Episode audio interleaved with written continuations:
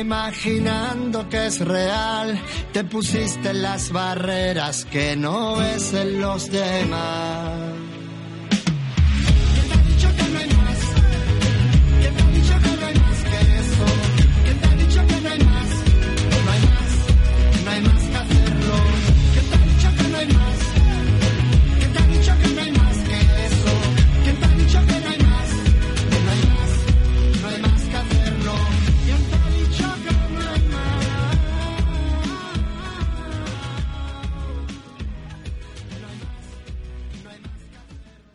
Això és Ràdio Gavà.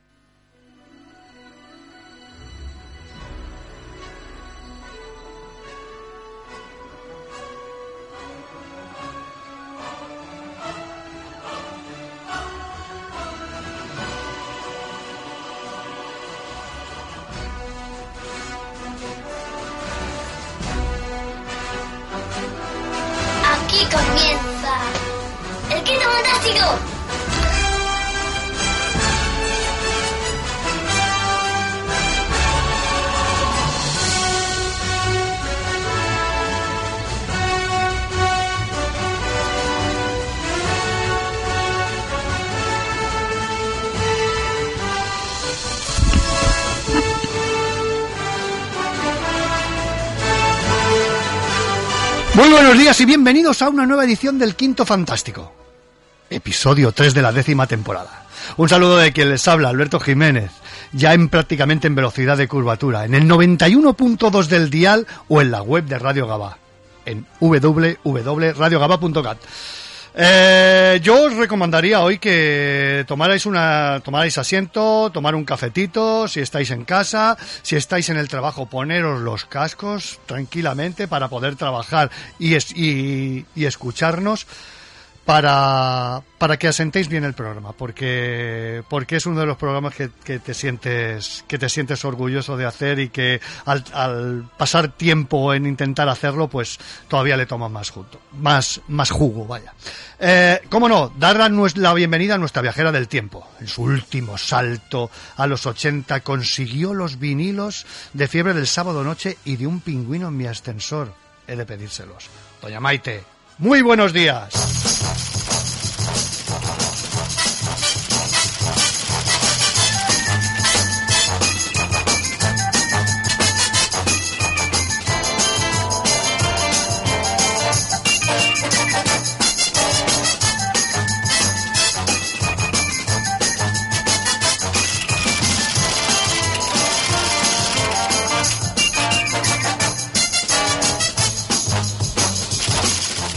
Pues sí, eh, como se estaba comentando antes, ha, llegado el día. Desde la presentación en el AFNAF, con Franz, con Don Carlos Playbook, con Loli y con un maestro de ceremonias, eh, como es Cels Piñol, nos dio a conocer esta aventura.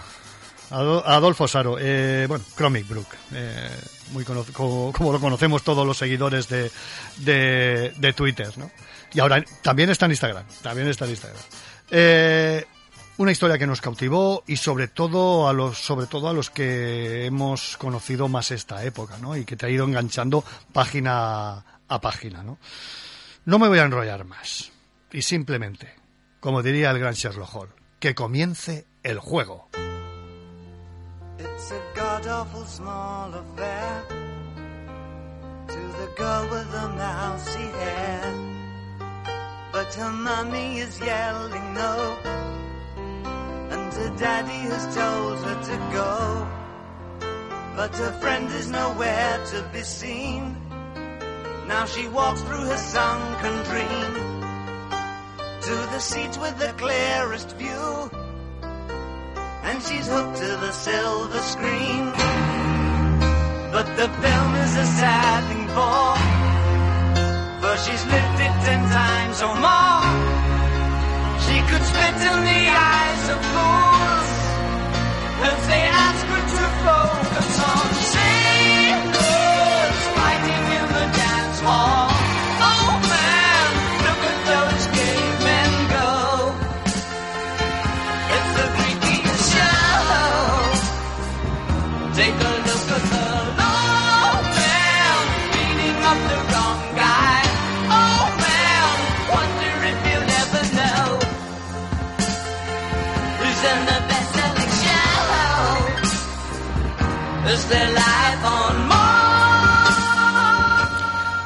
Con una actividad en Twitter espectacular, con ya un ensayo hecho como el poder de los 80. Hoy Radio Gabá y en especial el Quinto Fantástico nos vestimos, cogemos nuestras mejores galas para, para recibir a Don Comic Brook, Adolfo Saro. Don Adolfo, muy buenos días y bienvenido al Quinto Fantástico de Radio Gabá. Eh, muchísimas gracias. Además estoy encantado porque me tenías de fondo puesto a Bowie con Life on Mars y estaba flipando. Digo, "Uy, va a empezar bien el día hoy. Hombre, claro, es que no podía ser de otra manera. Es que el, bueno, el libro, lo que tú, lo que hablamos precisamente cuando estuvimos, cuando estuviste aquí en Barcelona, eh, creo que con, con Fran y con Carlos estuvimos comentando de que, de que el libro merece una play, bueno, lo, lo dijiste tú, dice, el libro merece una playlist. Eh, sí, por supuesto, una banda sonora, eh, como cualquier otra película de los 80, porque realmente, eh, insisto mucho en esto, ya, resulta hasta pesado, pero sí, es una novela, es un libro. Hay quien lo ha definido como, como un bolsilibro de Bruguera con esteroides, por el rollo de, de que entretiene y demás, pero venido a más. Pero sobre todo tiene un espíritu de aventura cinematográfica clásica de videoclub, es decir, de superproducción clásica de videoclub, de esas pelis que conocíamos. Llegábamos al videoclub, se nos había pasado bajo el radar cuando se estrenó en cines y de repente encontrábamos una peli que por un motivo o por otro nos marcaba y se convertía en, en una visita obligada cada cierto tiempo. Así que, eh, que una película necesita una banda sonora a la altura y yo creo que, que he escogido bien los temas para acompañar la aventura de Alonso Bradley en 1988. Yo creo que han, sido fantásticos. Encima has metido de todo un poquito. Has metido heavy, has metido, Claro. has metido funky, has metido pop español. Bueno, es una auténtica gozada. Es una auténtica gozada. Oye, una cosa. Eh, bueno, mm, primero, el lugar, el lugar, ¿cómo estás? Eh, ¿Cómo estás tú? Eh, ¿Cómo llevas la vorágine de- del libro? Bien, tirando, eh, quitando el hecho de que mis pocos días libres que tengo, ya sabes, eh, mi trabajo oficial es mucho menos glamuroso que la escritura Sí. y, y me quita muchísimo tiempo, quitando el hecho de que los pocos días libres que tengo los tengo que eh, invertir en salir fuera a firmar ejemplares y demás, y ya no tengo tiempo libre ninguno, por lo demás yo estoy bien, estoy bien, estoy feliz, feliz de ver que el libro está gustando, de que se ha recibido bien, estamos ya a puntito, ya para dentro de un par de meses ya está en la segunda edición, ya Uf. está en marcha porque ya se ha agotado, y, y muy contento, la verdad es que no me esperaba mm, no me esperaba esto, la verdad, no me bueno, esperaba. yo creo que nadie se lo esperaba esto. Eh, y sobre todo, a ver, todo hay que decirlo, que tu primera aventura, ¿no? Tu primera aventura fue El Poder de los 80. Ahí no lo he leído. Bueno, bueno, me imagino que mm, es un estudio de, de, de las figuras o... Un ensayo, sí, Un ensayo. un ensayo, un ensayo no solo de las figuras, es un viaje eh, a los años 80 y concretamente a la colección de Master del Universo durante los años 80, que fue la primera década de vida de la franquicia. Entonces es eh, un análisis de la mitología y de los atributos de los personajes y de las características de sus figuras de acción, pero también es un recorrido por cómo se hacían las cosas en Mattel en lo concerniente a Master del Universo durante esos 10 primeros años de vida, o esos 8 primeros años realmente de vida que tuvo la franquicia en su primera encarnación. Así que no solamente sirve para acercarse a la mitología de los Masters, sino para conocer cómo funcionaba una de las más grandes jugueteras eh, norteamericanas de los años 80, que era, que era Mattel. Impresionante, impresionante, vamos. Es, es, pues mira, es una asignatura pendiente. Eso lo, lo tengo, lo tengo que coger, vaya.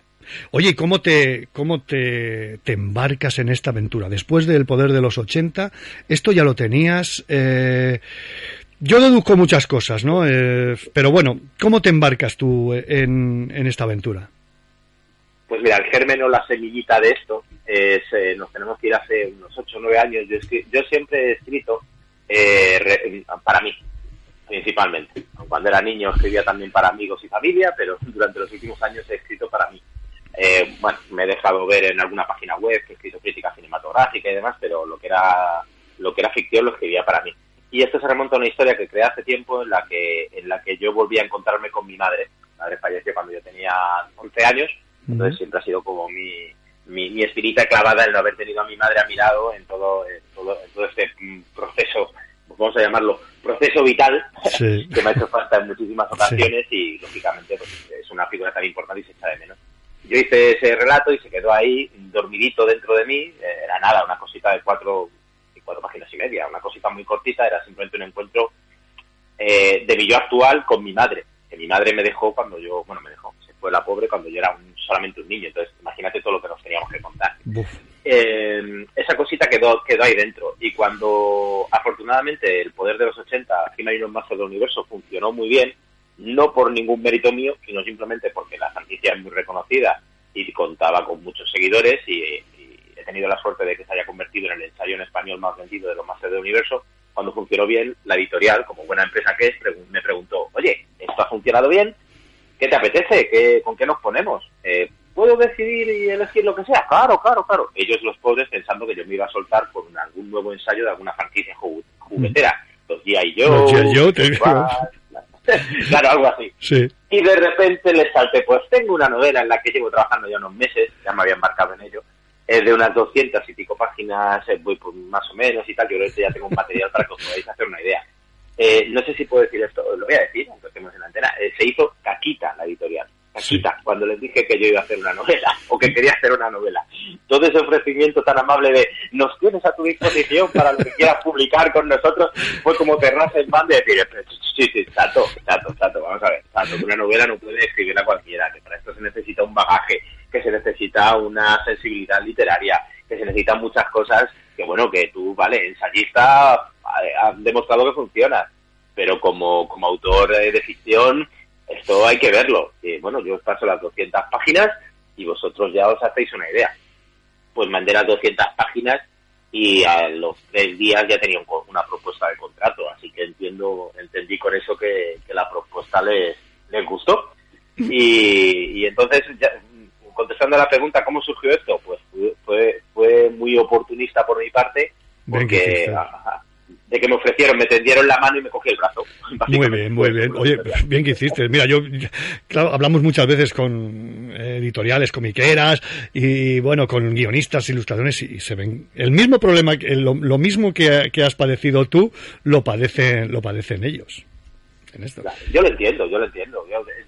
A, mí, eh, de hecho, es algo que me dijo Franz en la presentación, cuando me dijo, eh, ¿tú has escrito alguna vez? O porque como sorprendida de lo que estaba leyendo, de que le estaba gustando. Y es que eso es algo que me encuentro eh, muy repetidamente en firmas, en, cuando, en, alguna convención, cuando me, cuando me encuentro con alguien que ha leído la novela, eh, o se me acerca alguien que ha leído la novela, eh, se sorprende de, de, lo que se ha encontrado en el libro, porque mucha gente tenía la idea de que iba a ser, en vista de mi imagen en Twitter, que soy un payaso, que hago vídeos tontos de humor, y hago el absurdo. Perdona, nos alegras las mañanas o, o, las tardes cuando hay un momento de decir, hostia, voy a ver qué, me ha puesto. Mira, precisamente el, de ayer, eh, el de la tienda de electrodomésticos. Genial. Bueno, que te he cortado. Sigue, sigue, perdona. No, no, no, no, me refiero a eso que yo, yo sé la imagen que doy, pero todos damos una imagen en redes y no solo somos lo que vemos en redes. Qué triste sería si, si yo solamente, a ver, que yo considero que me enriquece mi, mi, mis hobbies, mis aficiones de mis cómics, mis muñecos, mi figura de acción.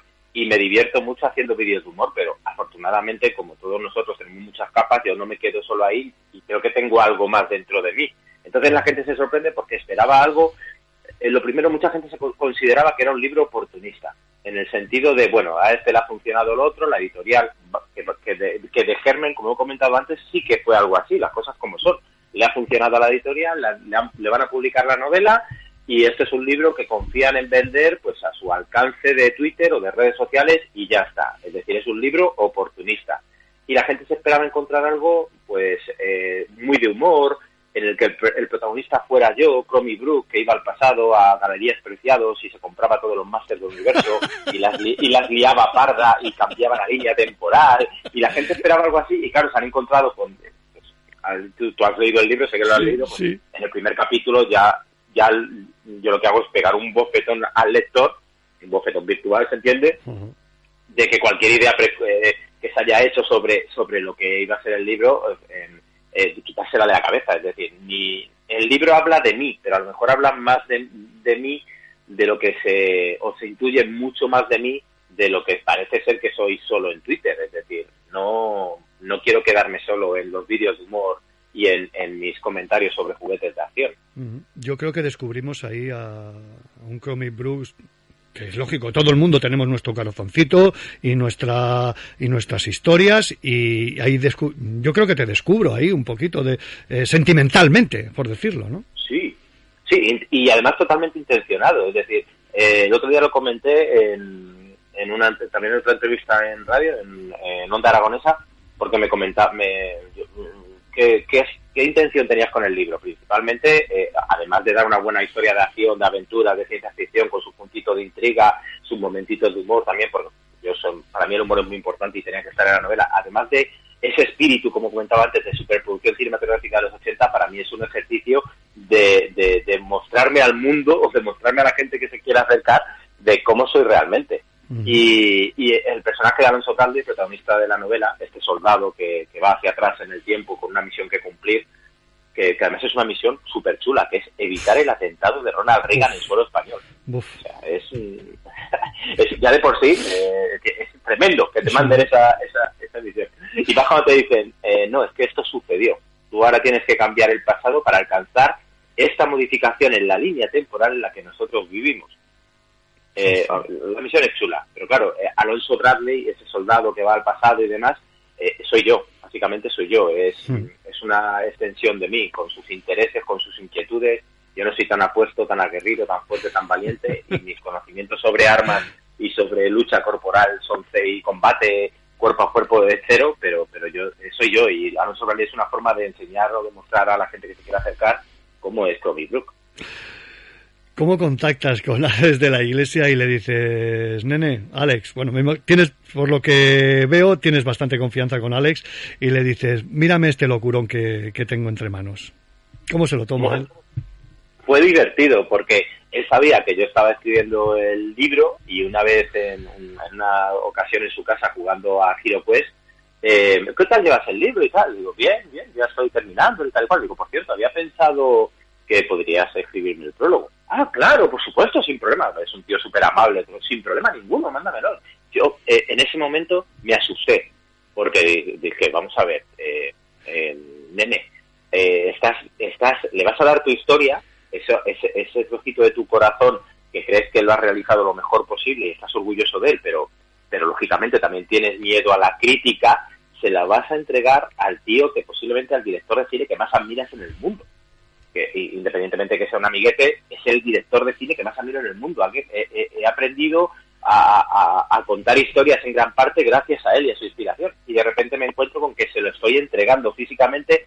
Toma, antes de llegar a imprenta, échale un vistazo, eh, lo lees y si te gusta, me haces un prólogo si tú quieres hacerlo. Es decir, no te sientas comprometido a, ponerme la típica frase comercial de una novela estupenda, Alex de la Iglesia. Esta, esta frase para colocar en una faja y demás en la segunda edición. No, yo no quería eso, yo quería que lo leyera y si algo le movía, eh, decir, pues mira, te voy a escribir unas líneas a modo de prólogo. Y la verdad es que cuando me lo mandó me sentí súper feliz. O sea, no solamente porque en el prólogo habla de, de cómo, que piensa de mí como persona y de que nos hemos hecho inseparables a raíz de intereses comunes y demás, no solamente eso, sino además que la historia le emocionó. O sea, de hecho me dijo una cosa ya en privado, no en el prólogo, me escribió y me dijo, nene, nene, nene esto, es, esto es maravilloso eh, escribe uno más y te dejas de vender lavadoras. es, lo, que me dijo. Así que, Alex, si estás escuchando esto, ya sabes cuál es el siguiente paso. ¿eh? Yo creo que esto en pantalla tiene que lucir bien. Se lo daremos con recibo, seguro. Cuando lo pongamos en el podcast, se lo, se lo le, ponemos recibo, acuse de recibo para que lo escuche. Nada María, nada María más feliz que esto se llevara al cine. Ya te digo, esto es una, esto es como vuelvo a repetirlo, este es un libro con espíritu de producción cinematográfica o superproducción cinematográfica clásica de ciencia ficción y nada María más feliz que ver esto en pantalla y además con Alex de la Iglesia detrás. sería para mí un sueño, un sueño cumplido. Ya podría morirme, ya me, de ahí, del estreno de la peli o de la serie al, cementerio, me daría igual. Ya, ya te puedes morir directamente. Totalmente, tranquilamente.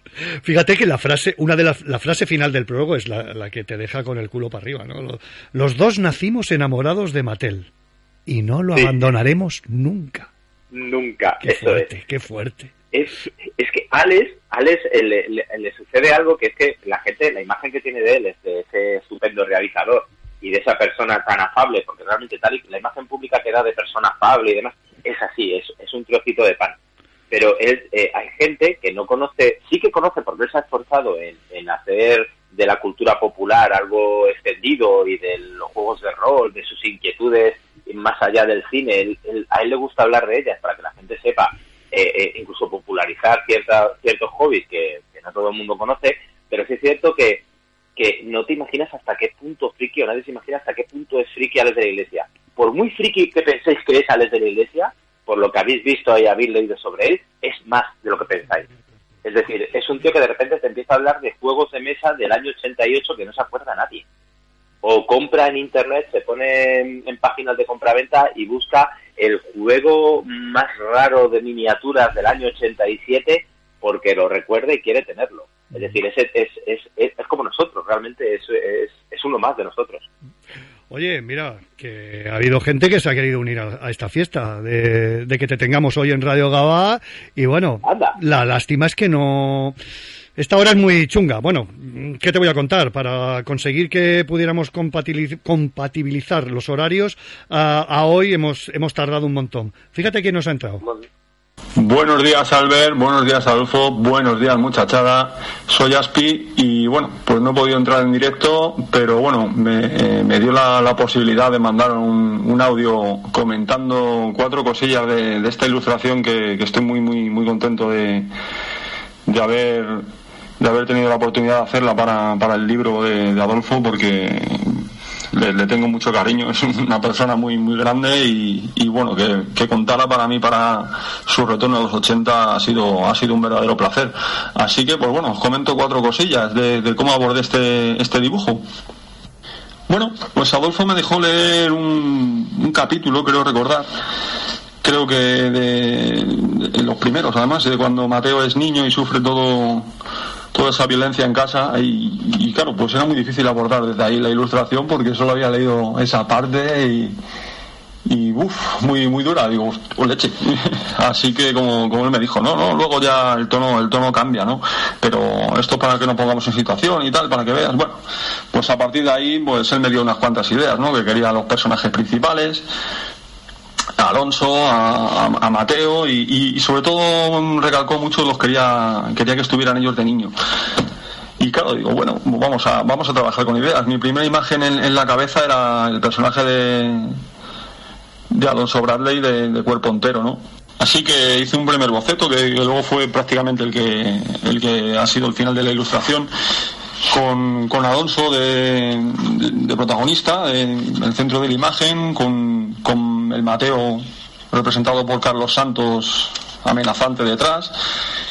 Y bueno, le- no cambié mucha cosa. Al principio le, puse con una metralleta, con un cuchillo y tal, pero lo veía demasiado violento y, y lo, y lo cambié, lo, lo, lo- quité. Le, le- puse al final una pistola solo, que tampoco se era mucho.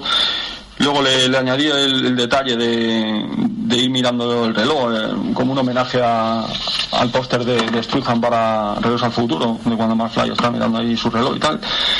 Y bueno, luego pues lo- las coñitas que me gustan meter siempre, que si un smiley, una chapita, un smiley, que si la linterna, que si un Wallman, eh, cosillas que, me suele, me suele gustar meter. Y, y luego pues a, a los, a los niños decía, bueno, ¿cómo los encajo? Pues se me ocurrió la idea de un par de Polaroids, ¿no? Que las Polaroids eran muy, una cosa que muy ochentera y en casa siempre siempre estaba a mi- mis hermanos que si las Polaroid para arriba para abajo y, y me recordaba eso de, mi niñez y dije mira, mira los niños como en una en una situación de, de- de un cumpleaños o en algún regalo que les hicieran con su personaje de, de Action Hero de, de G.I. Joe como tampoco sabía que iba a salir el, sargento Supra, pues, pues puse personajes de, de los G.I. Joe y los puse ahí a eso. Si no hubiera puesto a Supra, pero, pero de cabeza, vamos.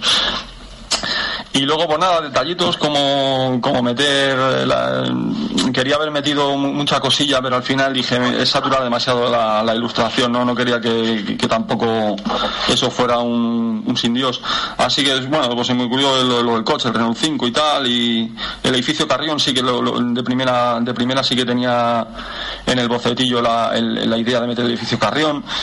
Y sobre todo lo de el detalle de- del grafitero de Muelle, que dije, bueno, es que más ochentero que Muelle, y recuerdo por, por todos lados veías eh, ese graffiti. Así que pues, pues lo incluí. Y el yo-yo, pues bueno, tenía, ya te digo, otras ideas, que meter un cassette, un VHS, el cubo de Rubik, que- un un este de un carrete de coda, pero dije, bueno, ya he metido la- las Polaroid, no, no hace falta meter más, más cosillas así. Y quería haber metido también una cabina como un homenaje, ¿no? Porque antes veías cabinas también por todo lado, pero bueno, tampoco quería saturar mucho la, ilustración y me centré en, esa, en esas cuatro cosillas y, bueno, muy satisfecho he quedado. Y hay dos versiones, además, que, que hice dos versiones, la versión con, con barba de, Alonso y la versión sin, sin barba. Y, me hacía muchas gracias a los bobos. Y me dice que yo no soy Alonso Brand. Y digo, ya, ya, tú no lo serás, pero todos vemos que te vemos a ti. es lo que hay.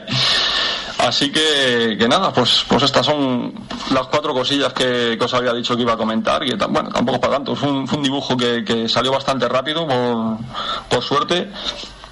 Y, bueno, pues por lo dicho, que ha sido un, honor estar en, el libro de Adolfo, porque encima es, eh, me, ha tocado la palabra en muchos aspectos, me he reído, he llorado, reconozco que yo además que le escribí dije, digo, hay un capítulo que me ha dejado roto y me lo voy a volver a leer porque es enorme.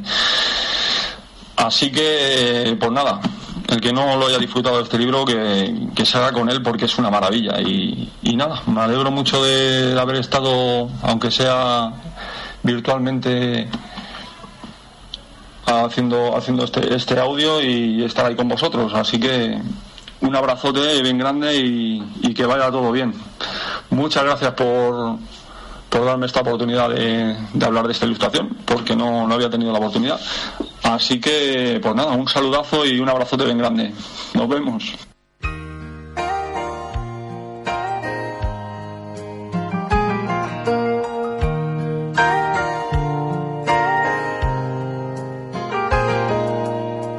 It's amazing how you can speak right to my heart.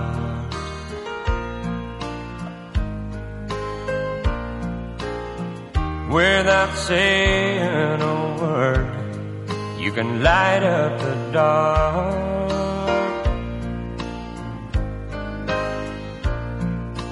Try as I may, I could never explain what I hear when you don't say a thing. The smile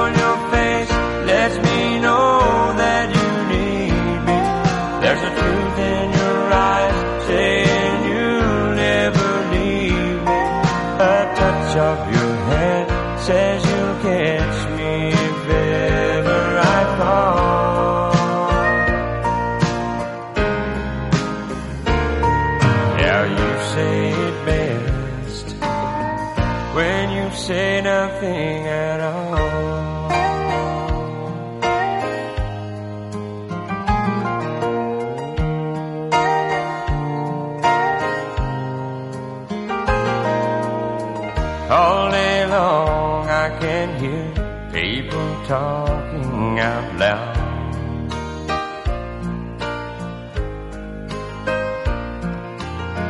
But when you hold me near, you drown out the crowd.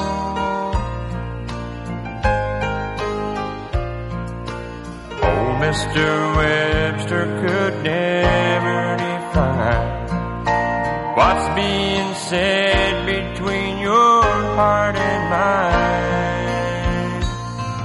The smile on your face lets me know that you need me.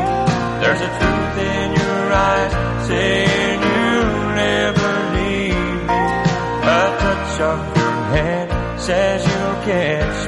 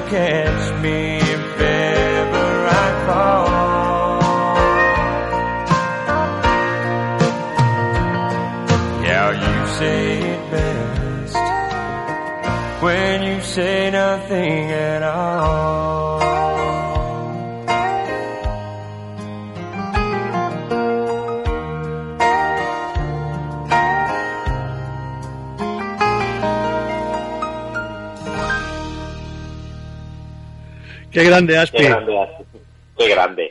Es un tío al que quiero, al que quiero mogollón, me parece un artista estupendo, me encanta su estilo y cuando tuve la oportunidad de incluir las ilustraciones de artistas eh, en, en, la, en el libro, en la edición del libro, eh, que me parece incluso a- algo original. Hoy en día no se estila mucho el tener ilustraciones interiores.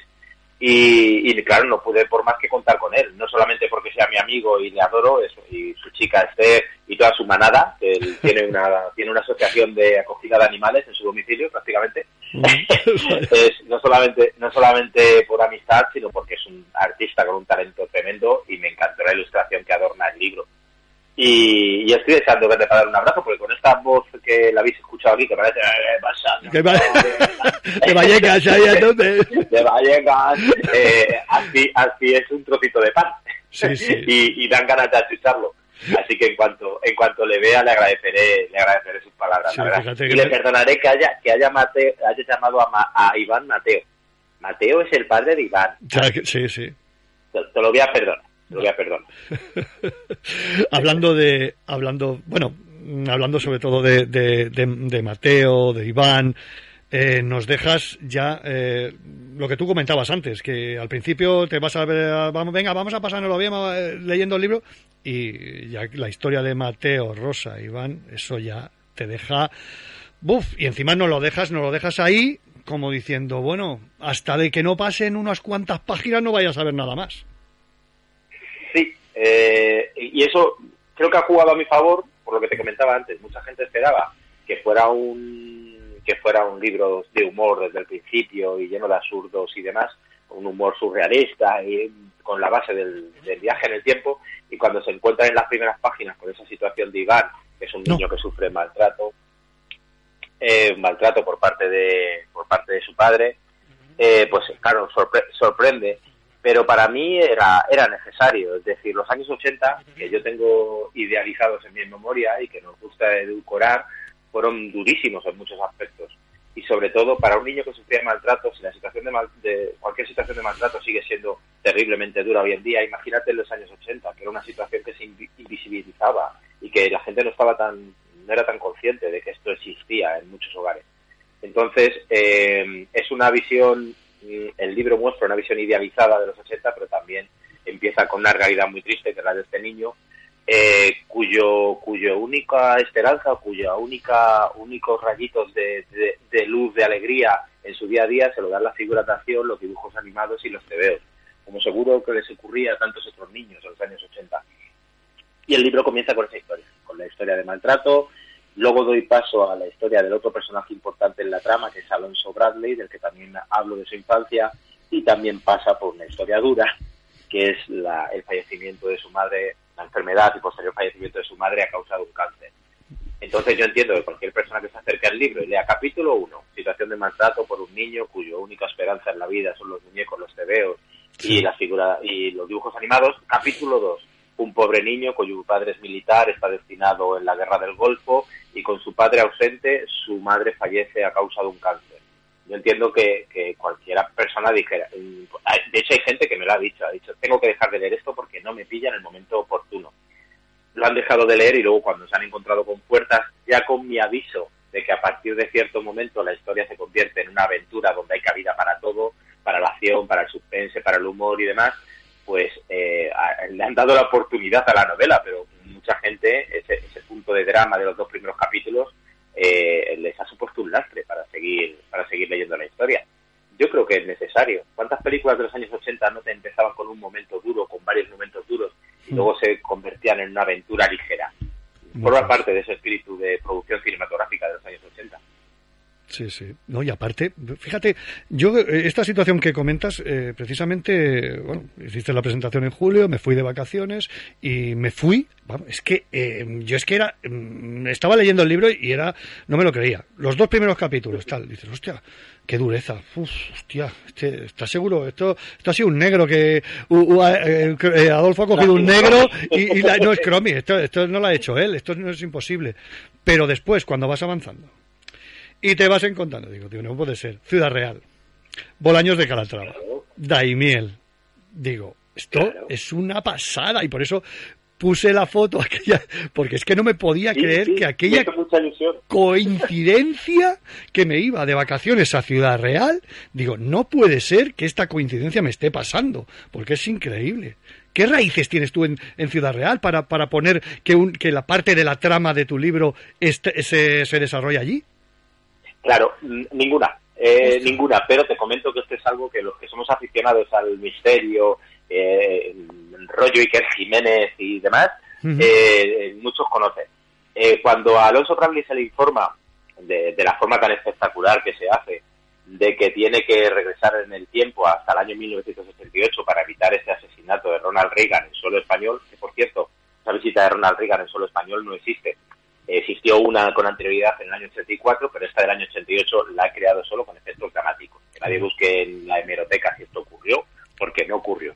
Pero cuando Alonso Bradley se informa de que tiene que, que tiene que evitar ese asesinato en el pasado de este presidente de Estados Unidos, de Ronald Reagan, eh, se le, también se le dice que el dispositivo que permite el viaje en el tiempo, conocido entre los científicos del proyecto como el arco de expansión, se encuentra en una base militar secreta que existe en Ciudad Real, conocida como base del Doctor. Esta base existe realmente.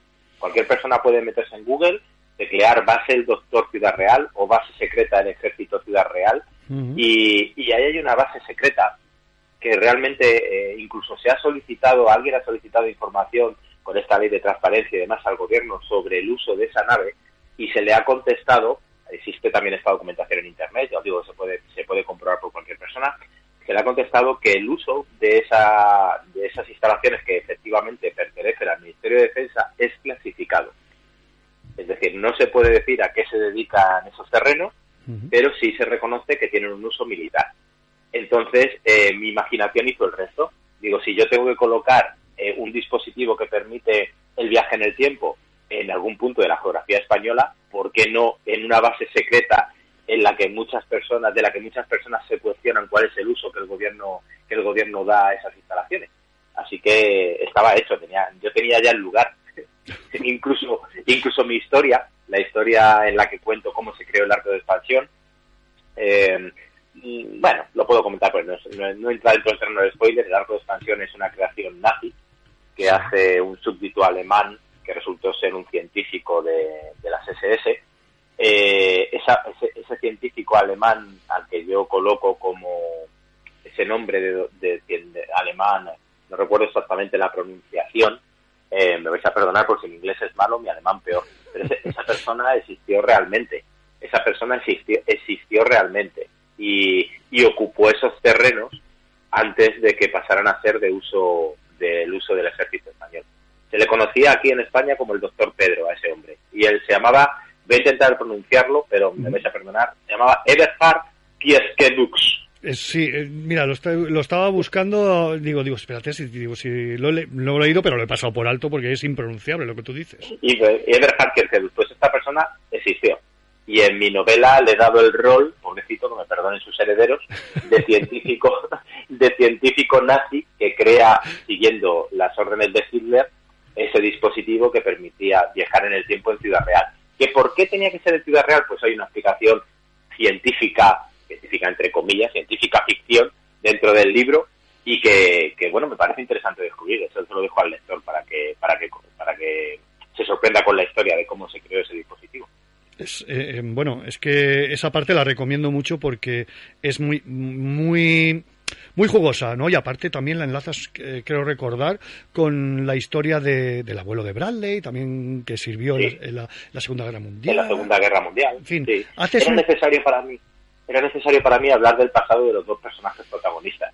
tanto de la relación de los padres de Iván, de Mateo y Rosa, de cómo se conocieron y cómo llegaron al punto en el que él se convirtió en un maltratador, como la historia de los padres y el abuelo de Alonso Bradley, que por decirlo de alguna manera, él es, él es, es un soldado, aunque él siempre dice que él es soldado por los G.I. Joe y se decidió, de- él decidió en el pasado eh, enrolarse en el ejército por los G.I. Joe y no por su legado militar, tiene que pesar mucho para una persona que su padre y que su abuelo hayan sido héroes de, guerra.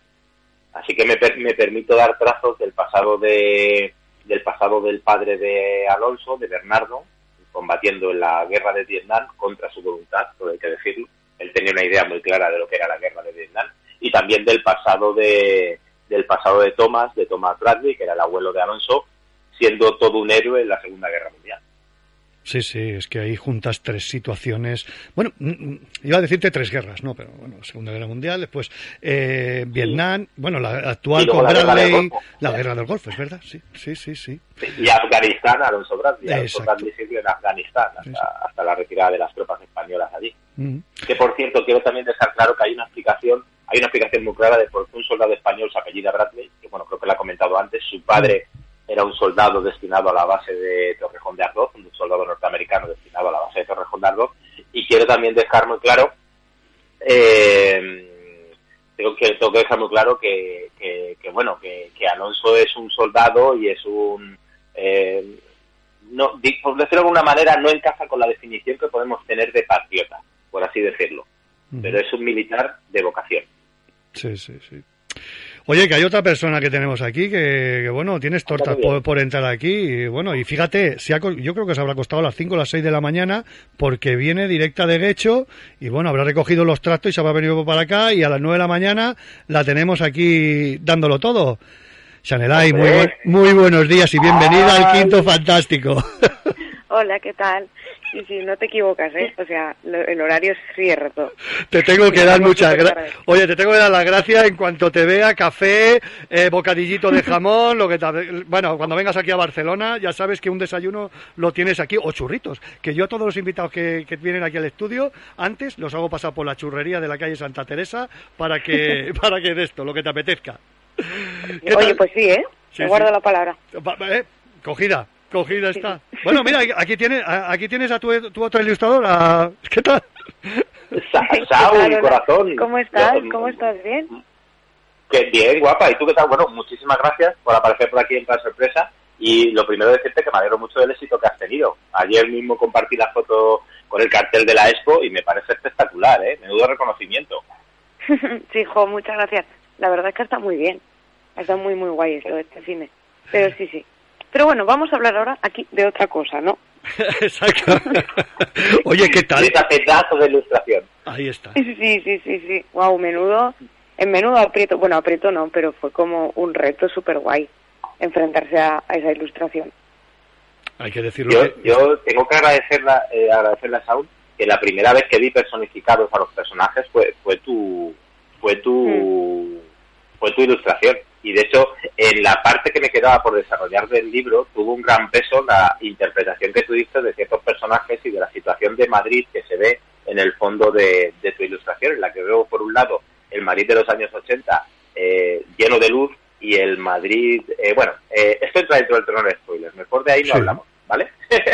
pero, Bueno. pero la ilustración, ver, el- ver por primera vez a, a los personajes que había cre- creado y además, eh, gracias a ti, que eres un artista que no solamente que quiero, porque sabes que te aprecio muchísimo, sino que además que me, que me encanta tú también tu estilo y me encanta tu arte, el honor de tenerte en el libro y además el honor de que fueras tú la primera persona que dio, que pintó cara a esos personajes que pueblan la novela.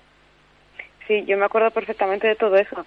Y me acuerdo de, de estar hablando mucho sobre el tema de las fotos, eh, de pasar de los personajes, que además te pedí un montón de referencias de necesito referencia de esto, esto, esto, otro, esto, otro. Y me acuerdo sobre todo que el fondo tuvimos ahí eh, momento de experimentación y de decir cómo lo vamos a hacer. Vamos a hacerlo de esta manera, con un Madrid así como eh, en paz, bonito, soleado, y luego otro más postapocalíptico, o vamos a hacerlo todo de uno, o cómo lo hacemos. Y fue el momento de discutir, de hacer muchas, muchos bocetos y tal. Yo la verdad es que me lo pasé muy bien haciéndolo, porque lo dicho, fue un reto, y además me acuerdo que teníamos muy claro que queríamos que fuera algo rollo eh, Drigo Struzan, tipo portada de, de película y tal. Entonces estuve empapándome de vídeos de Drigo Struzan trabajando durante un montón de tiempo e intenté ahí hacer algo súper, a ver, guardando mucho las distancias. Y quiero decir, Drigo Struzan es un crack y yo pues ahí estoy. Pero es como intentar captar esa esencia eh, ochentera y, y yo creo que, que fue muy bonito el proceso. Yo estuve muy a gusto eh, trabajando todo el rato porque es que pues es que Chromit lo hace así, hace que esté súper a gusto. Joder, muchísimas gracias. Y lo sabes, la felicidad que tengo de tener este original, o sea, para mí es... no, o sea, Guau, es te lo, que te no lo me- estoy tratando de transmitirlo con palabras, pero me lo impido porque ahora mismo tengo la piel como, como se suele decir, las escarpias como pelos. Porque el buen rollo que me, tra- que me transmite ese original, el cariño que pusiste en él, y ver, y ver, como te comento, ver a mis personajes, que es como verlos en, la, en el, en el póster de una peli de acción de los años 80. Eso es algo que también que también llevó muy bien, hizo muy bien Hugo, que fue el portadista de la novela. Es decir, los dos me disteis una visión de mis personajes por encima de lo que yo esperaba tener. Y fíjate que sois artistas que admiro y que sabía que el resultado iba a estar por encima de lo esperable, pero pero no, no hasta ese punto. O sea, lo disteis, lo disteis todo y creo que eso se nota en vuestro trabajo. Ay, jo, muchas gracias. eh. Es que, pero es que es- eh, se nota sobre todo eh, esa sensación de que estamos a gusto y de que todos remamos en la misma dirección y sabemos lo que queremos, lo que queremos conseguir, qué estilo, qué es lo que tienes en mente, qué es lo que buscas. Entonces se genera un espacio de trabajo súper chulo y muy dinámico donde todo el mundo está aportando ideas, es- eh, está todo el rato teniendo pues ese feedback, ¿no? De que tú mandas un, un boceto y a lo mejor pues eh, Tromic, por ejemplo, te, te empieza a decir un montón de cosas de hoy me encanta, no sé qué, ay, pues podríamos hacer esto y lo otro. Y entonces se genera pues eso, un ambiente súper chulo que así te motiva a ir a más. Entonces yo considero que, o sea, todos los que hemos trabajado contigo eh, estamos de acuerdo en esto. Muchísimas gracias. Yo recuerdo con mucho cariño ese, ese intercambio de audios que teníamos sobre, sobre eh, de- de- que me decía, no te preocupes, yo tú puedes- mándame audios, que puedes mandarme lo que quieras. Y yo ahí, Sí. eh, en el trabajo, aprovechando cualquier pausa, cuando me mandabas algún avance en la ilustración, comentándote con audio y luego tu respuesta, recuerdo con mucho cariño esos días.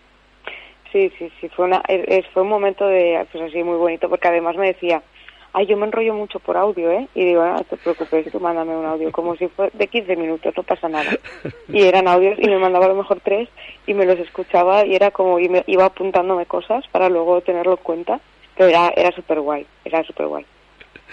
Yo recomiendo, como lector, recomiendo que no vean las dos ilustraciones, tanto la de Sanedai como la de Aspi, que no las vean hasta que no terminen el libro. Porque te pega dos, a mí me pegó dos, digo, ostras, es que es una auténtica salvajada, digo, mm, bueno, es que yo...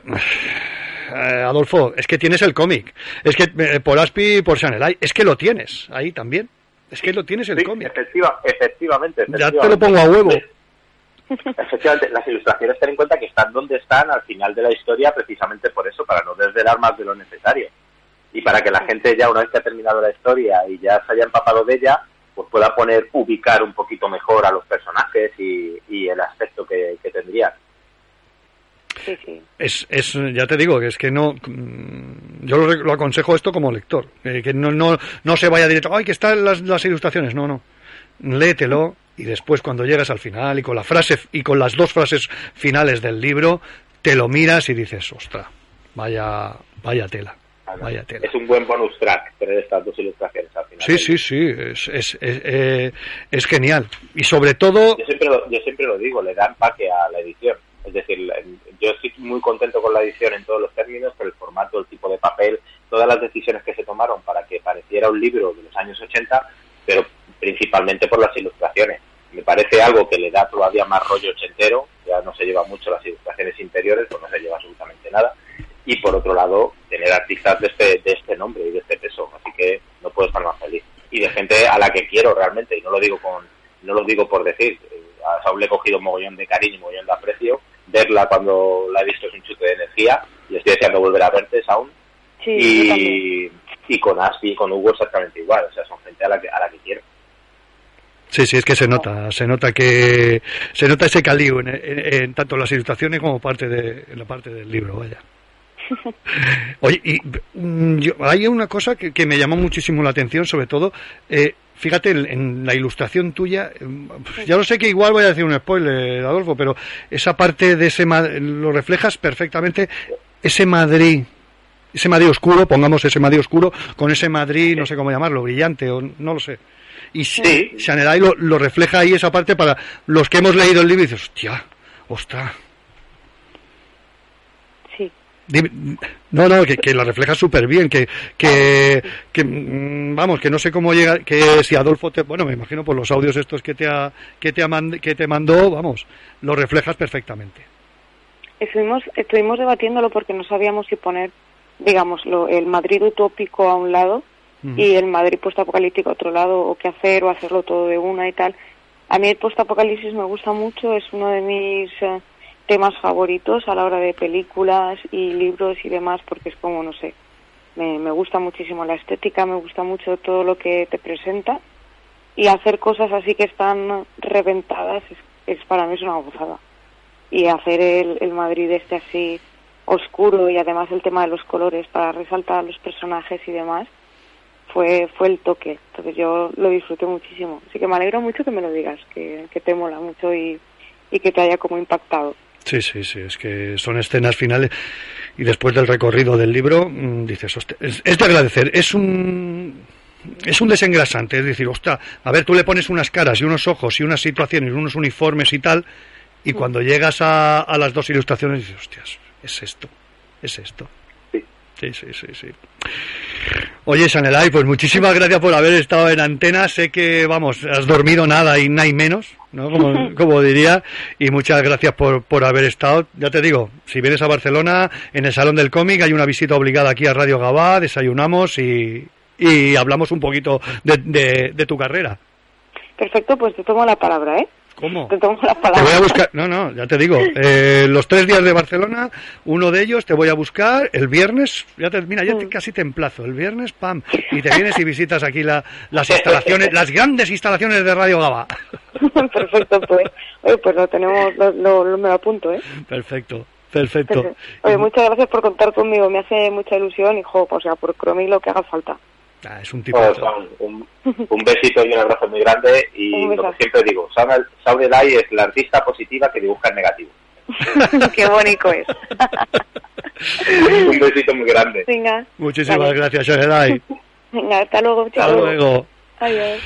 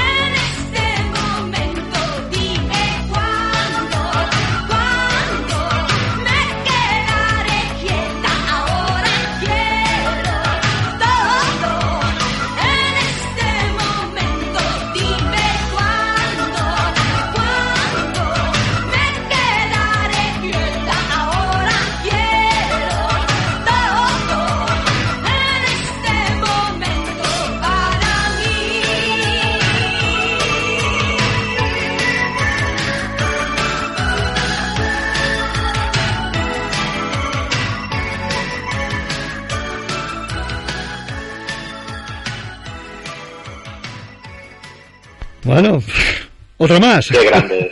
Sí, la, la quiero mogollón. Es, Oh, es- me- es que es una persona encantadora. Me la presentó Fran en este pasado salón del cómic. Yo aluciné con sus trabajos. Digo, no puede ser que alguien esté haciendo esto. Digo, esto es una salvajada. Y Fran había comprado una un Mazinger Z. Digo, ¿cómo? Dice, dice no, pero míralo aquí. Está, la ilustración de G.I. Joe que estaba haciendo, brutal, Sí. brutal. O sea, en el salón, brutal, brutal. Todo lo que hace. Si es que ya, ya no es solamente eh, el hecho de que, de que tenga esa, esa mente tan clara para poder dibujar en negativo y que su mente vaya traduciendo los tonos en negativo que tiene que utilizar luego para cuando la imagen es cuando la imagen eh, la pasas por el filtro y la ves con los colores reales. Ya no solamente eso, es el estilo. Es que tiene un estilo tan auténtico y tan diferente.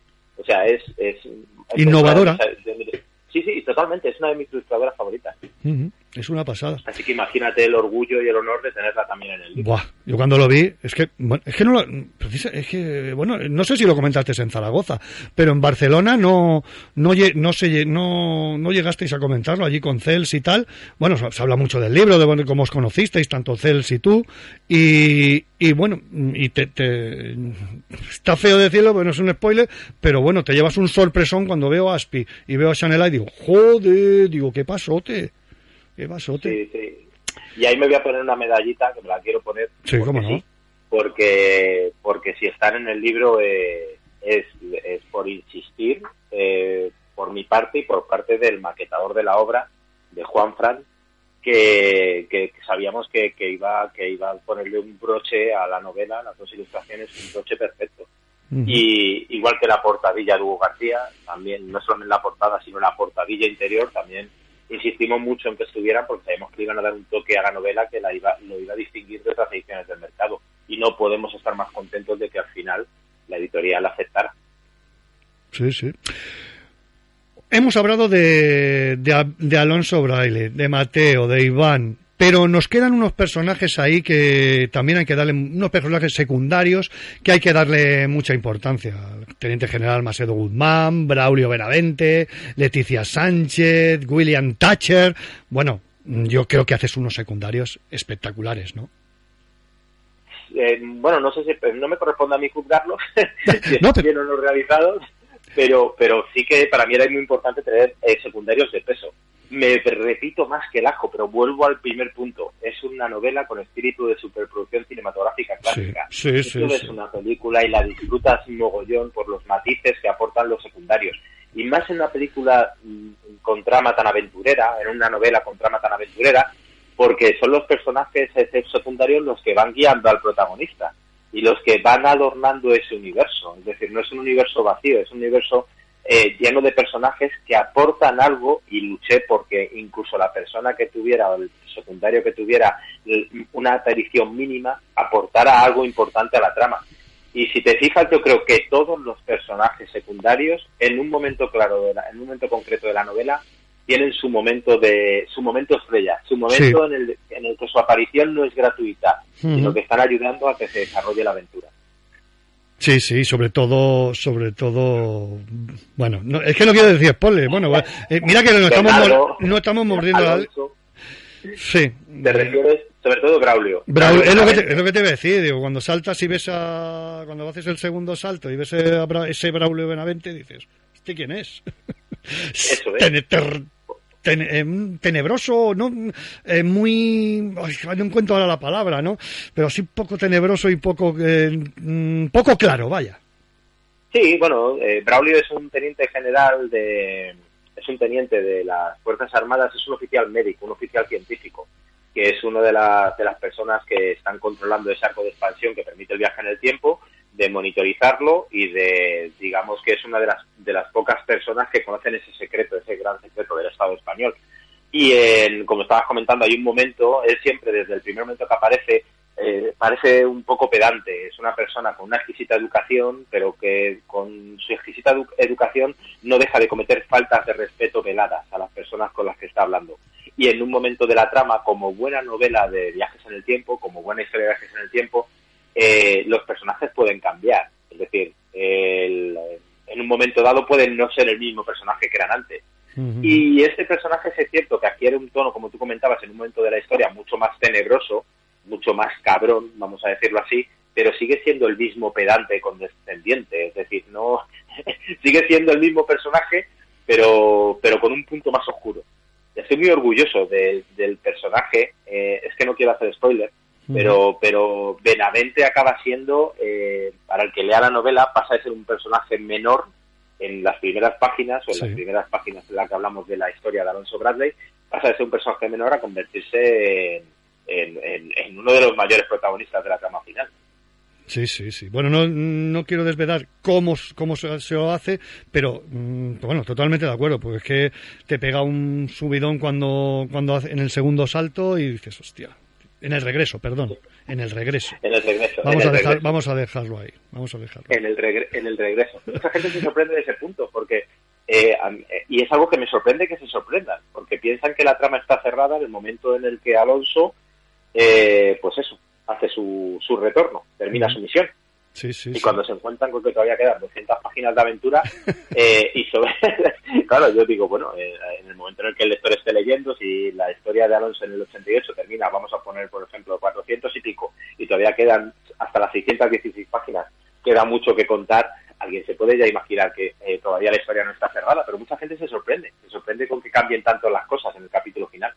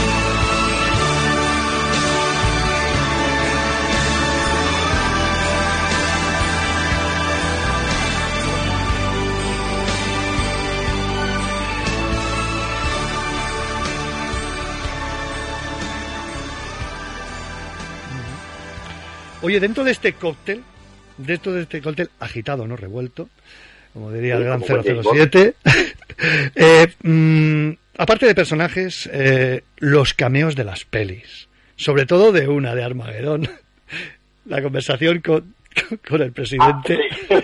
Sí. Sí, bueno. Es que es de traca, perdona. No, no, me estoy súper orgulloso de eso. Es que dices, es Pedro Sánchez, me cago en la hostia. Es que eh, es, eh, corresponde a mi deseo de darle, dentro de lo imposible, de darle cierta dosis de realidad.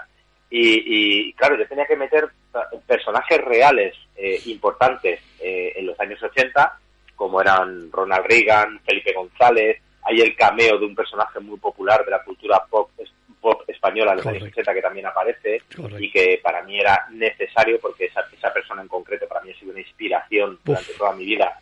Y de hecho tengo tengo que rendirle tributo llevándole un ejemplar a donde está su estatua. Eh, no voy a decir en qué punto de España para que la gente se, se sorprenda al ver ese personaje Correcto. aparecer en la historia. Correcto. Pero para mí era importante meter esa- esos personajes reales para que la gente que se acercara al libro, eh, lógicamente una historia de viajes en el tiempo siempre va a ser imposible, pero para que encontrar un ancla con la realidad.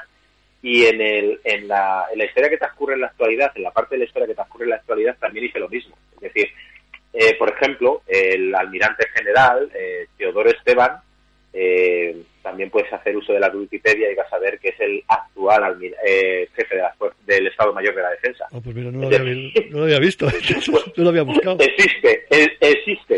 Espero que si algún familiar se acerca al libro y lo ve y lo lee, se lo tome como un sincero homenaje que lo es. Vamos.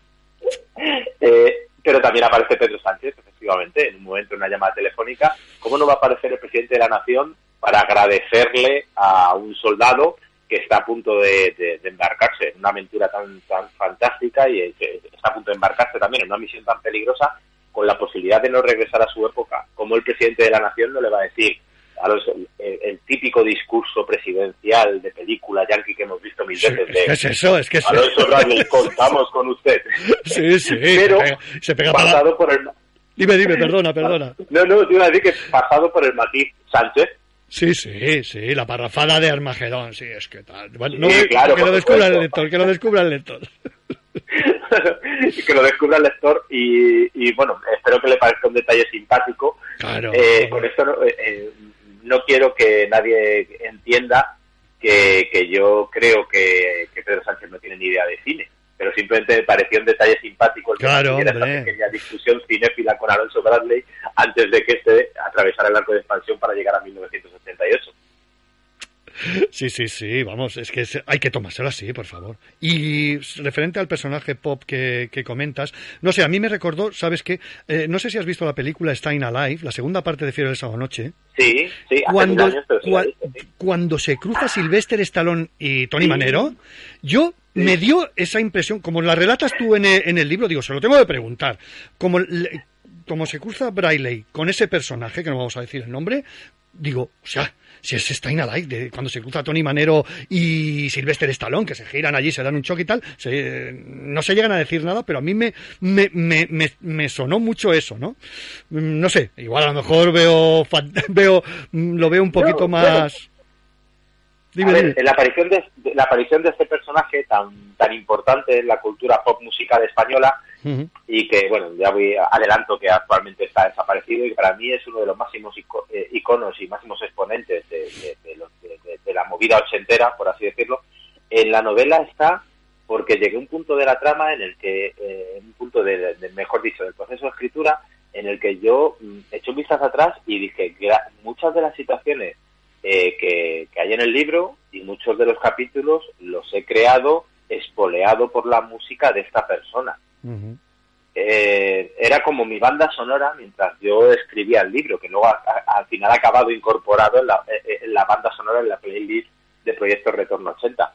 Y yo necesitaba agradecérselo de alguna manera. Es una persona a la que, de la que siempre he disfrutado con su música y que me parece un genio de su tiempo en muchos aspectos y yo necesitaba agradecérselo. Entonces, eh, tenía que aparecer ahí esta persona, este, este gran cantante, tenía que aparecer, tenía que aparecer en algún momento, le di su momentito, su reconocimiento por parte de Alonso Bradley, del gran artista que era, con ese pensamiento.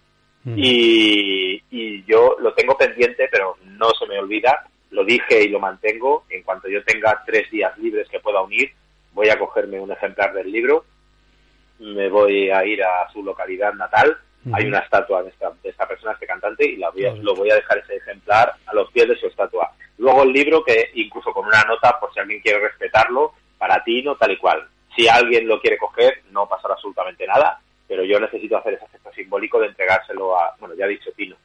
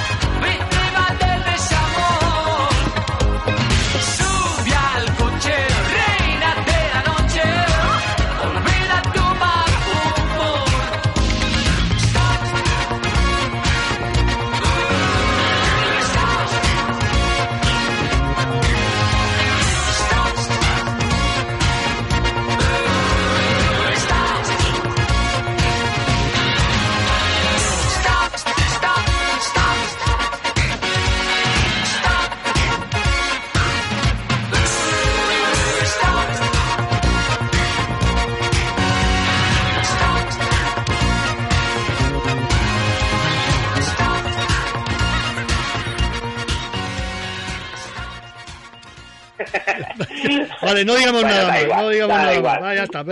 Ya, ahora eh, ya diremos a la Maite para el podcast que lo corte. Bueno, no te Vale, preocupes, no pasa, no pasa absolutamente nada. Eh, fíjate que hay otra. eh, haces un retrato de Madrid también muy. Bueno, las la discoteca que primero. Quiero recordar que primero se llamó Titanic y después, se, y después se llamó Capital. Haces un retrato Capital. allí estuper, estupendo, ¿no? De lo que eran la- las discos del 80 con esa, esa lucha entre ese Tachenko ruso contra Bradley, ¿no? Ah, brutal, sí. Bueno, eh, ese capítulo este Madrid- 18, ese capítulo 18 que es espectacular. Y es que pa- para, mí eh, el- es el Madrid que yo quería tener en mente y que quería que el lector conociera. Yo no soy un necio, yo sé que ese no es exactamente el Madrid de mi época, pero sí es el Madrid que muchos recordamos. Éramos niños, se nos escapaban las cosas malas, nos quedábamos con todo, con, con- con las luces, nos quedábamos con esa sensación, sobre todo la novela transcurre en Navidad, en la Navidad de 1988, y, y- y para mí era, era llevar, quería llevar al lector a las Navidades de su infancia he edulcorado mucho esa época, yo lo reconozco, pero sin olvidar lo malo que había. También pego pinceladas de esa triste realidad social que tenían sobre todo los barrios obreros y del sur de Madrid en aquella época, no solamente el paro, el desempleo, eh, los problemas de la- con las drogas, los problemas de delincuencia, todo eso se refleja en algún momento de la novela, pongo ese detallito, esa pincelada de realidad. Pero mm, eh, yo principalmente quería dar una imagen luminosa del Madrid y del Vallecas de los años 80, porque es el que yo que- he querido atesorar en mi mente. Sé que existió lo otro, pero al igual que hicieron Robert Zemeckis y Bob Gale en Regreso al Futuro, edulcorando y pintando también esos años 50 de Estados Unidos, eh, cuando los años 50 de Estados Unidos, sobre todo para una para un determinado colectivo de personas o de una determinada raza, fue, horrible. Los años 50 fueron horribles para mucha gente en Estados Unidos. Sin embargo, la visión que vemos de ese, de ese, de ese, de ese Estados Unidos en Regreso al Futuro es súper edulcorada, súper limpia. Pues yo he hecho lo mismo. Es decir, ya la realidad es lo suficientemente triste como para también intentar llevarla a una historia tan, tan blanca en principio como era Proyecto Retorno 80 eh, ese Madrid eh, he querido que refleje el, el Madrid de mi pasado. Están las luces de Navidad eh, que teníamos antes, que no eran este, este, este, este horror eh, contaminante que tenemos actualmente, eh, hecho para atraer turistas, sino que eran unas luces mucho más modestas. Está la castañera que asaba castañas en el mercadillo de Navidad de, de los barrios. Están los puestos antiguos de la Plaza Mayor. Está el espectáculo de Cortilandia con esos títeres que nos parecía el sumum de, de- de- del entretenimiento con marionetas y hoy en día nos parece algo casposo incluso y, y pobre. Está- están, es, es un Madrid, eh, es un Madrid, eh, sí, lo puedo- por decirlo de alguna manera, no es un Madrid real, no es un Madrid real, pero es el Madrid que muchos de nosotros tenemos Se dentro. ha vivido. Y, y también no hace falta que, que- que el lector sea de Madrid, que haya conocido Madrid para, para sentirse dentro de, esa, de, ese, de ese pasado y de esas navidades del 88, porque creo que lo que comento, me vas a confirmar tú si es cierto o no, pero lo que comento era común con muchas localidades de España. Es que me he visto decir, reflejado en la de Barce- en Barcelona, directamente. Claro, si es que eso es, eso es. Eh, hablo de cosas, mm, he- hablo de- del ambiente que había en las cafeterías, en las tascas, de, en los mercados, eh, de la actitud de la policía con, pues, pues, con los chicos jóvenes de la época. Mm, He, he- he tratado de no, de no mentir, no doy una imagen artificiosa, artificial del Madrid de los 80 y tampoco doy una imagen errónea del Vallecas de los 80, pero sí que doy una imagen eh, en el- me centro más en lo positivo de esa época, que creo que, que, que lo hubo, hubo mucho positivo, no todo eran drogas, eh, sida y, y criminalidad. Y que hubo muchos Antonios kiosqueros. Ahí te lo dejo. Ay, bueno, ay, jugueteros y kiosqueros. Sí, sí, sí, sí, jugueteros, kiosqueros. Yo es que, como era más de, soy más de cómic, pero Antonios hubo muchos. Por supuesto. Eh, me lo preguntaron en la, en la presentación de la novela. El señor Antonio, el único amigo que tiene el pequeño Iván y, y su juguetería, la juguetería San Diego, que existió realmente, una juguetería que para mí fue muy importante en mi infancia. Esa, esa juguetería que representa para Iván su pequeño oasis, el único sitio donde se escapa y se olvida de todo lo malo que pasa en su casa, que es propiedad de, de este señor, del señor Antonio, me preguntaron, ¿el señor Antonio existió realmente? Y es la unión de dos jugueteros de mi barrio, uno por nombre, al señor Antonio, y otro por actitud. Y eran, eran personas súper amables con los niños. Mm, eh, Lo dije en la presentación y creo que es una observación de las pocas que puedo hacer, porque yo soy mendrugo, pero creo que es una observación acertada. Que, que la gente que en esa época se dedicaba a las jugueterías y demás tenía que, que amar a los niños, o tenía que sentir mucho cariño por los niños, disfrutar de su trabajo. Y era la sensación que me daba. Yo entraba en una juguetería y más allá del afán comercial del vendedor por venderle algo a mi padre o a mi madre, eh, yo veía cariño, complicidad, te enseñaban muñecos, que, eh, ¿has visto este que ha llegado? Y eso es el, el señor Antonio de la novela, es así, es una persona que, que quiere muchísimo al pequeño Iván, que sospecha que algo ocurre en su casa, pero estamos en una sociedad en la que incluso la, la persona más buena cometía el error de mirar para otro lado en ese tipo de situaciones. Y, y el señor Antonio es una buena persona que, bueno, eh, tampoco quiero hacer spoiler, No, pero, pero que lo descubran. Pero el señor Antonio, eh, hay muchos, a lo mejor hay muchos señores Antonios que han tenido jugueterías en el pasado, que conocían a ese chaval de mirada triste y sospechaban que ocurría algo, sin embargo les faltó la determinación en un momento dado para, para mover un pequeño dedo que habría cambiado la vida de ese chaval, de ese chaval de mirada triste, de ese chaval que, que en su casa seguro que sufría algo. Esa escena me, es, es, es, esas charla, esa charla con- en el libro con Antonio me, te llegan a la patata, porque es que sí, yo no sé, es que sientes la bondad de Antonio. Estás leyendo y sientes la bondad que, que Sí. hay en él, que hay en él. es una es una buena persona es una buena persona pero pero también entra dentro del terreno del spoiler gordo pero es una buena persona estamos de acuerdo y quería un mundo a Antonio a perdón a Iván Antonio quería un mundo a Iván y se preocupaba Antonio por todos los chavales de su barrio para que no les faltara un juguete incluso lo dice en un momento de la novela dice yo abro juguetes para que los niños vengan a jugar con ellos a la tienda en el caso de que sus padres no puedan permitirse comprárselo pero, pero en cuanto a la situación personal de Iván, esa situación de maltrato, eh, yo creo que el lector estará de acuerdo, el lector que ha terminado la novela está de acuerdo en que Antonio podría haber hecho algo más. Sí, sí, sí. Y de hecho es, es una parte importante de la trama al final, el hecho de que Antonio no, no hiciera algo más. Oye, tenemos otra, tenemos otra invitada que también por temas de trabajo no ha podido, no ha podido decirnos nada, pero vamos, que se nos ha unido a la fiesta. Hola amigos, ¿cómo estáis? Eh, lamento no poder estar con vosotros, con Chromic y con Alberto, pero muchísimas gracias por dejarme colar unos minutillos y, meter una pequeña cuña. Eh, bueno, empezando con Chromic, felicidades por este, este regalo que nos has hecho todos los amantes de la lectura, de la ciencia ficción, del cine, los cómics y, y derivados. O sea, ha sido un, un viaje contigo de la mano, nos has llevado eh, como has querido desde el inicio de, de la- de- las- de los capítulos has mezclado drama, aventura, ciencia ficción, eh, le has metido sus dosis de humor, eh, mordaz, ingenioso.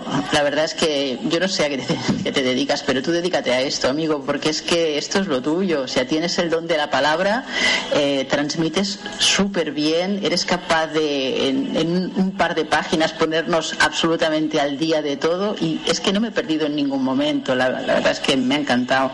Y oye, la banda sonora, qué decirte de nuestros adorados 80. Yo estaba escuchando, iba, iba leyendo y tal y como hacíais las reseñas, yo iba escuchando la melodía de fondo. Digo, bueno, esto, es- esto, esto ¿qué más quieres? ¿Qué más quieres? Eh, nada, si hay que animar a Alex para que mm, se tire de cabeza hacia una peli o una serie con este proyecto Retorno 80, bueno, aquí el apoyo lo tiene absoluto. Eh, muchas gracias de nuevo, eh, un abrazo súper grande para los dos y mu- muchos éxitos y muchas ideas como proyecto Retorno 80 para que nos, deleites en la próxima idea que seguro te ronda por esa cabeza que no para seguro. Felicidades compañeros.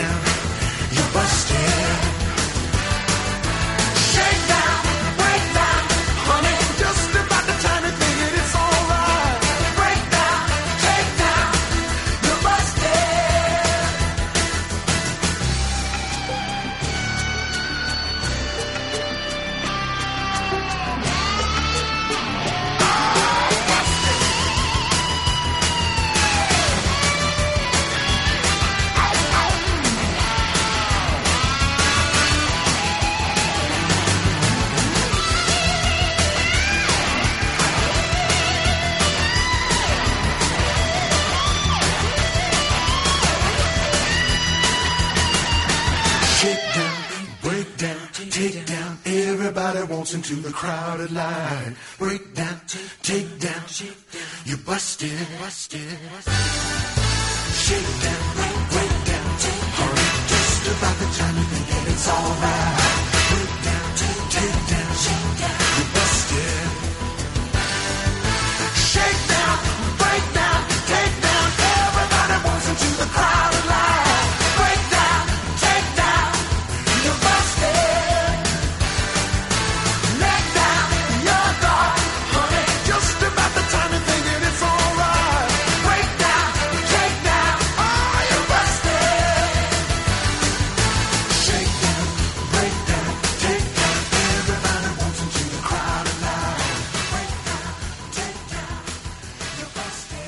La Fran de frecuencia global, otra grande.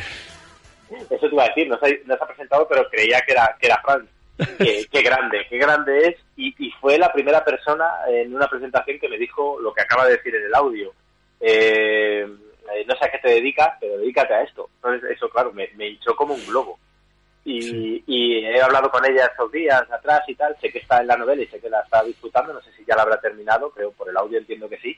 Y, y la verdad es que no, no me puede hacer más feliz escuchar algo así de eh, no solamente de alguien que te aprecia, sino también de alguien que ha disfrutado con la lectura. Así que súper contento. Y menuda presión le estamos dando a Alex con el tema de la película. O yo creo que sí. Y tú dijiste que no. Dice, no, re- recuerdo esta frase tuya en la presentación aquí en Barcelona.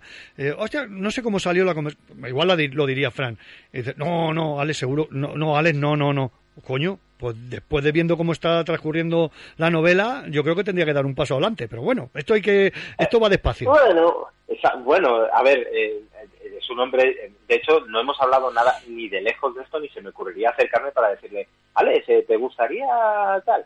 Porque, no sé, me parece que es, mm, a lo mejor es meterme en, en su trabajo, en su oficio, que no es el mío. Yo estoy, lógicamente estoy súper abierto a eso y sí que me gustaría que lo tuviera en cuenta, pero es un hombre lleno de proyectos hasta el 2030 y tantos. Sí, es, muy, bueno. es, muy, es muy difícil. Y luego además esta, esta novela, si la queremos desarrollar en una adaptación cinematográfica que sea, ya no te digo fiel, porque una adaptación, o sea, hablamos de 616 páginas, tiene que ser una adaptación que respete el espíritu, pero muchas cosas se quedarían por el camino, que eso ya me dolería, pero además es que sería enormemente costosa de realizar en términos económicos. Hablaríamos de un Uf. presupuesto que hoy en día en una producción española eh, sería imp- imposible. En los términos en los que se mueven hoy en día las producciones españolas sería imposible porque eh, las taquillas son bajas para el cine español, eh, el rendimiento económico de una película pasa por lo que una plataforma quiera pagar por ella y, y eso limita mucho el tipo de cine que se puede hacer. Por eso el tipo de cine que se hace, la mayoría es de un presupuesto limitado y historias que se puedan contar con poco más de dos o tres millones de euros. Esto requeriría mucho Uf, más. Sí. De hecho, David Galán Galindo, eh, sabéis quién es, director de cine, ahora estrena Matusalén y demás, y gran amigo mío, que es con la persona con la que hemos soñado juntos, de que incluso él ha hablado con actores para que, pues, bueno, eh, que están interesados en interpretar alguno de los personajes y demás. David Galán Galindo me ha dicho que esto es más fácil que me lo compre una, una productora norteamericana y que lo adapten allí, que me dolería enormemente si ahora mismo Alonso Bradley viviera en Brooklyn y no fuera mi barrio, ni mi ciudad, ni, ni, ni mi infancia, sino que fuera la infancia de un niño de, de los 80 en Estados Unidos, pero me ha dicho que es más fácil que pase por una producción de allí que aquí, por el coste de realización, que el presupuesto sería enorme. Pues fíjate que él hizo aquella, no sé qué presupuesto tendría, bueno, aquella de, de Orígenes Secretos era, era. Sí, Sí. esto es más- sería más caro. De hecho, eh, yo sé el presupuesto que tuvo Orígenes Secretos y lo que me ha dicho David, un presupuesto así por encima de lo que costaría, sería prácticamente el doble. Es muy complicado, muy complicado.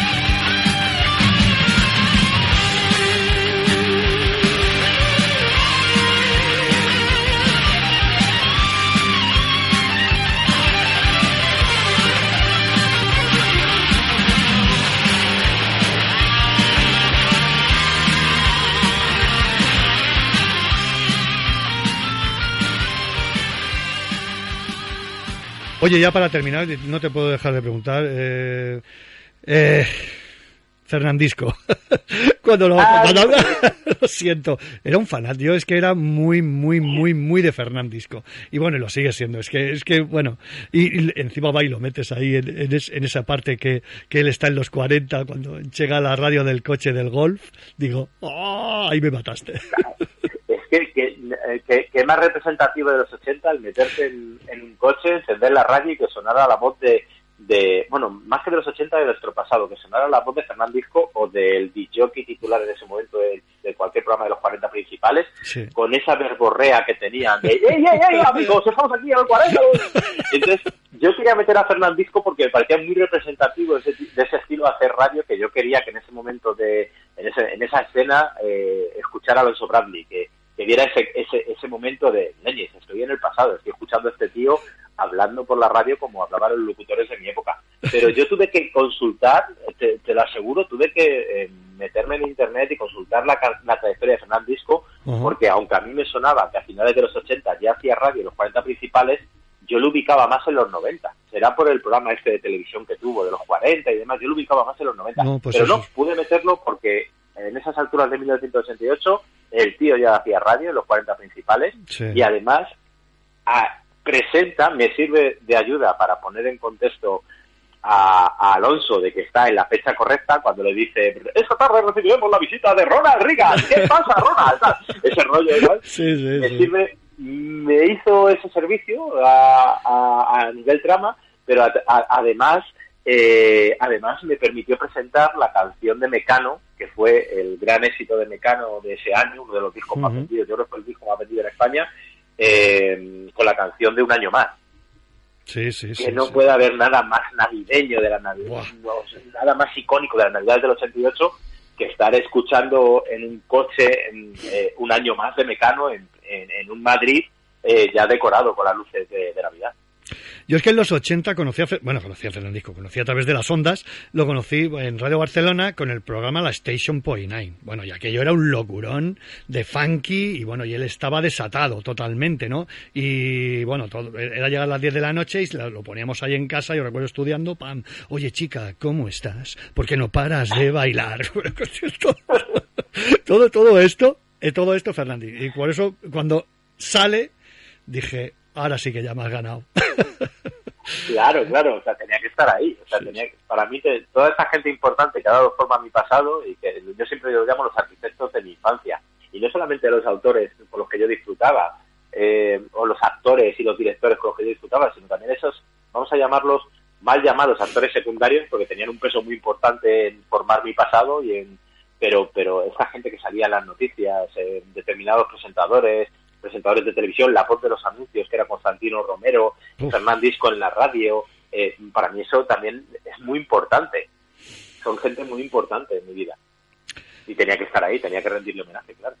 Has hecho un cóctel increíble. Has hecho un cóctel increíble y mm, sobre todo me encanta cuando las personas como tú, creo que te, te he escuchado en, en- en- o te he visto a través de Twitter, lo- te he leído, Instagram, las personas que sobre todo que tienen sueños, se hacen realidad, que lo estás disfrutando, que la gente que te aprecia está ahí, que te apoya eh, y sobre todo que crea en ti para, para, para realizarlos, ¿no? Y Adolfo, eres, una persona es, eres una persona muy, muy, muy privilegiada en ese aspecto.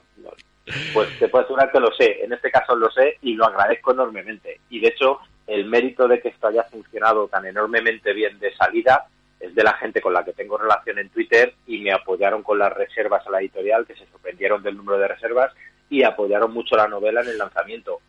Eh, esta, en- esta novela, por decirlo de alguna manera, nació con, con, con casi destinada a ser una novela de nicho y ese nicho estaba reducido a la gente con la que, a- que, que me sigue en Twitter y con la que hablo en Twitter y demás. Pero gracias a esa gente que la ha comprado, ha ido dejando sus reseñas, ha ido haciendo un buen boca a boca, eh, ha llegado la novela más allá de mi círculo. Entonces, el éxito de Proyecto Retorno 80, que yo creo que en los términos en los que se mueve una novela de un autor novel, yo creo que se podría calificar ya como éxito, en los términos en los que actualmente, eh, habitualmente se mueve en ventas una novela de un autor novel, eh, ese mérito pertenece a la gente que, a- que, me, que me ha apoyado desde el primero, o sea, desde el primer momento, más que a mí como autor.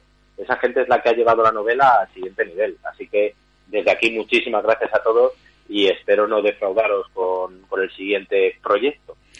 Seguro que no, seguro que no y te tendremos aquí en la radio, en Radio Gabán, el Quinto Fantástico, para que nos lo cuentes, nos hables de él y con tu verborrea fantástica nos, nos des ahí, nos des ahí esas clases de los 80 que, que nos dejan y bueno. Pasar un rato contigo es, es, es una hemorragia de satisfacción, como se decía muchas veces. Qué grande. Oye, me voy a despedir, me voy a despedir con no aparece esta canción, pero voy a poner eh, voy a poner una canción muy que es algo ochentero que bueno, no sé, igual la, la habrás escuchado alguna ¿No vez. puedo hacer una petición? Sí, cómo no. Dime, dime, dime. Es que eh, yo tengo un mind theme, yo tengo una, una, una banda sonora en mi cabeza para la película Sí. de Proyecto Retorno 80, que sería la versión orquestal de Loís de Tino Casal. Eh. Es la versión orquestal de la versión de Loís de Tino Casal. Eh, Si escuchas, dime, dime, dime, perdona, dime. perdona, dime, dime. si escuchas esa canción, estás escuchando lo, lo que sería la música de la película, porque tiene el suficiente tono épico para hablarte de, de aventura y tiene el suficiente tono intimista para esa, esos, esos momentos de Alonso Bradley eh, en- sumergido en su pasado en plenos años 80. Eh, pues no te lo vas a creer. mm, No te- eh, a ver, en el libro aparece embrujada y digo, no quiero salir, salirme de los cánones, pero bueno, es que Eloís es lo ir por la... Creo que recordar que es con la Royal Philharmonic Orquesta, no recuerdo ahora bien, y hace una versión, eh, la- la- lo hace Tino, bueno, es, es- es- Tino Casal. Eh, no te preocupes que la pongo. Genial, es estupendo, ya vas a ser feliz. no te preocupes que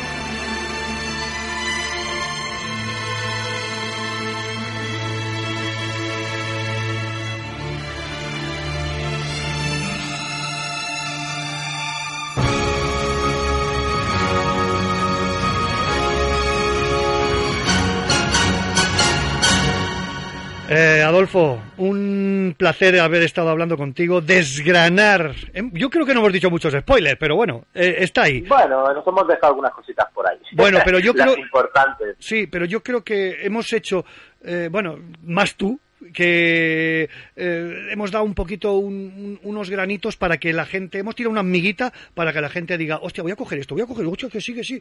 Y yo creo que para que se lance y, co- y compre el libro.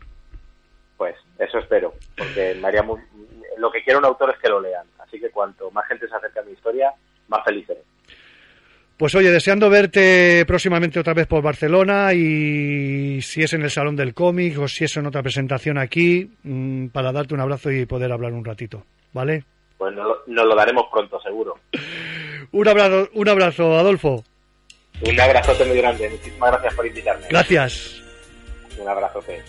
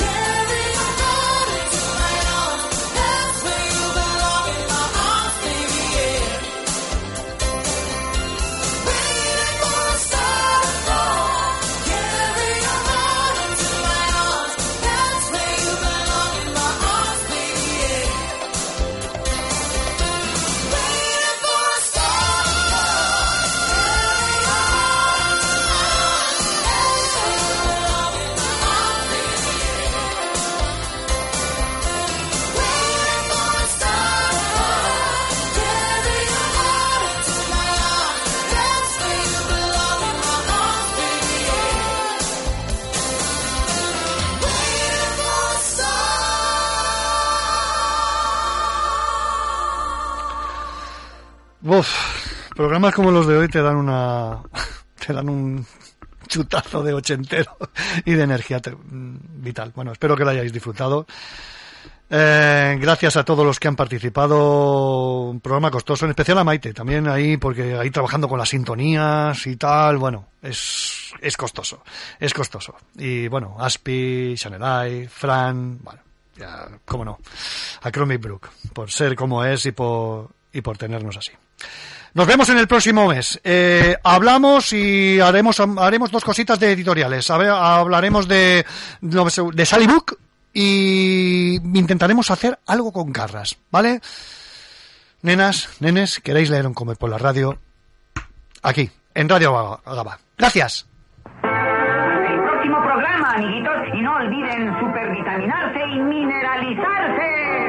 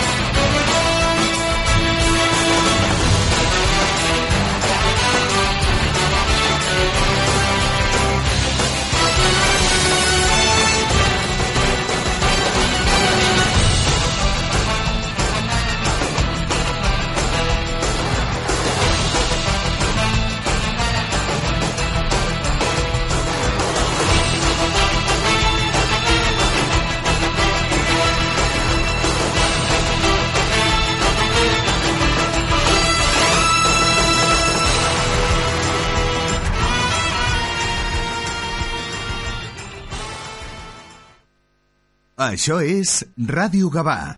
En Ianes Plantillas Deportivas Gabá contamos con un equipo de podólogos que cuidarán y mimarán tus pies como nunca lo hicieron. Con más de 30 años dedicándonos a la podología, somos líderes en plantillas. Contamos con servicio especializado de cirugía del pie, destacando entre nuestros pacientes deportistas profesionales. Trabajamos con las principales mutuas, también puedes visitarte con nuestro servicio de traumatología. Llámanos 936621162 o ven a vernos. Estamos en el carré de San Josep Puriol número 7 de Gabá, porque la salud de tus pies es mucho más importante de lo que crees. Te esperamos en Ianes Gabá. Estàs pensant a posar plaques solars a casa teva? Doncs passa't a l'energia solar de manera fàcil i segura amb la teulada, experts en energia solar i el nou espai d'assessorament per a la ciutadania i les empreses. Informa't a la teulada arroba amb.cat o contacta'ns per WhatsApp al 645 725 465. La teulada és un servei de l'AMB finançat amb el Fons Europeu de Desenvolupament Regional. AMB, Metròpolis de Barcelona. Això és Ràdio Gavà.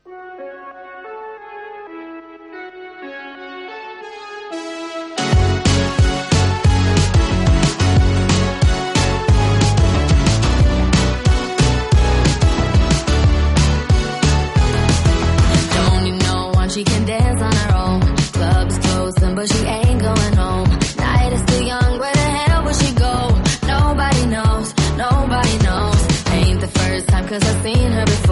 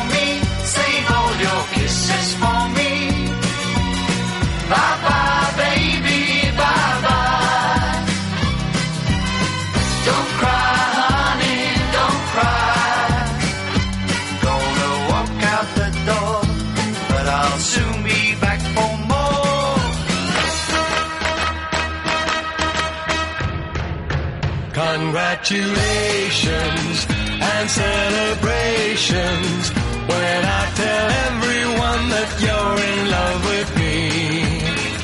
Congratulations and jubilations. I want the world to know I'm happy as can be.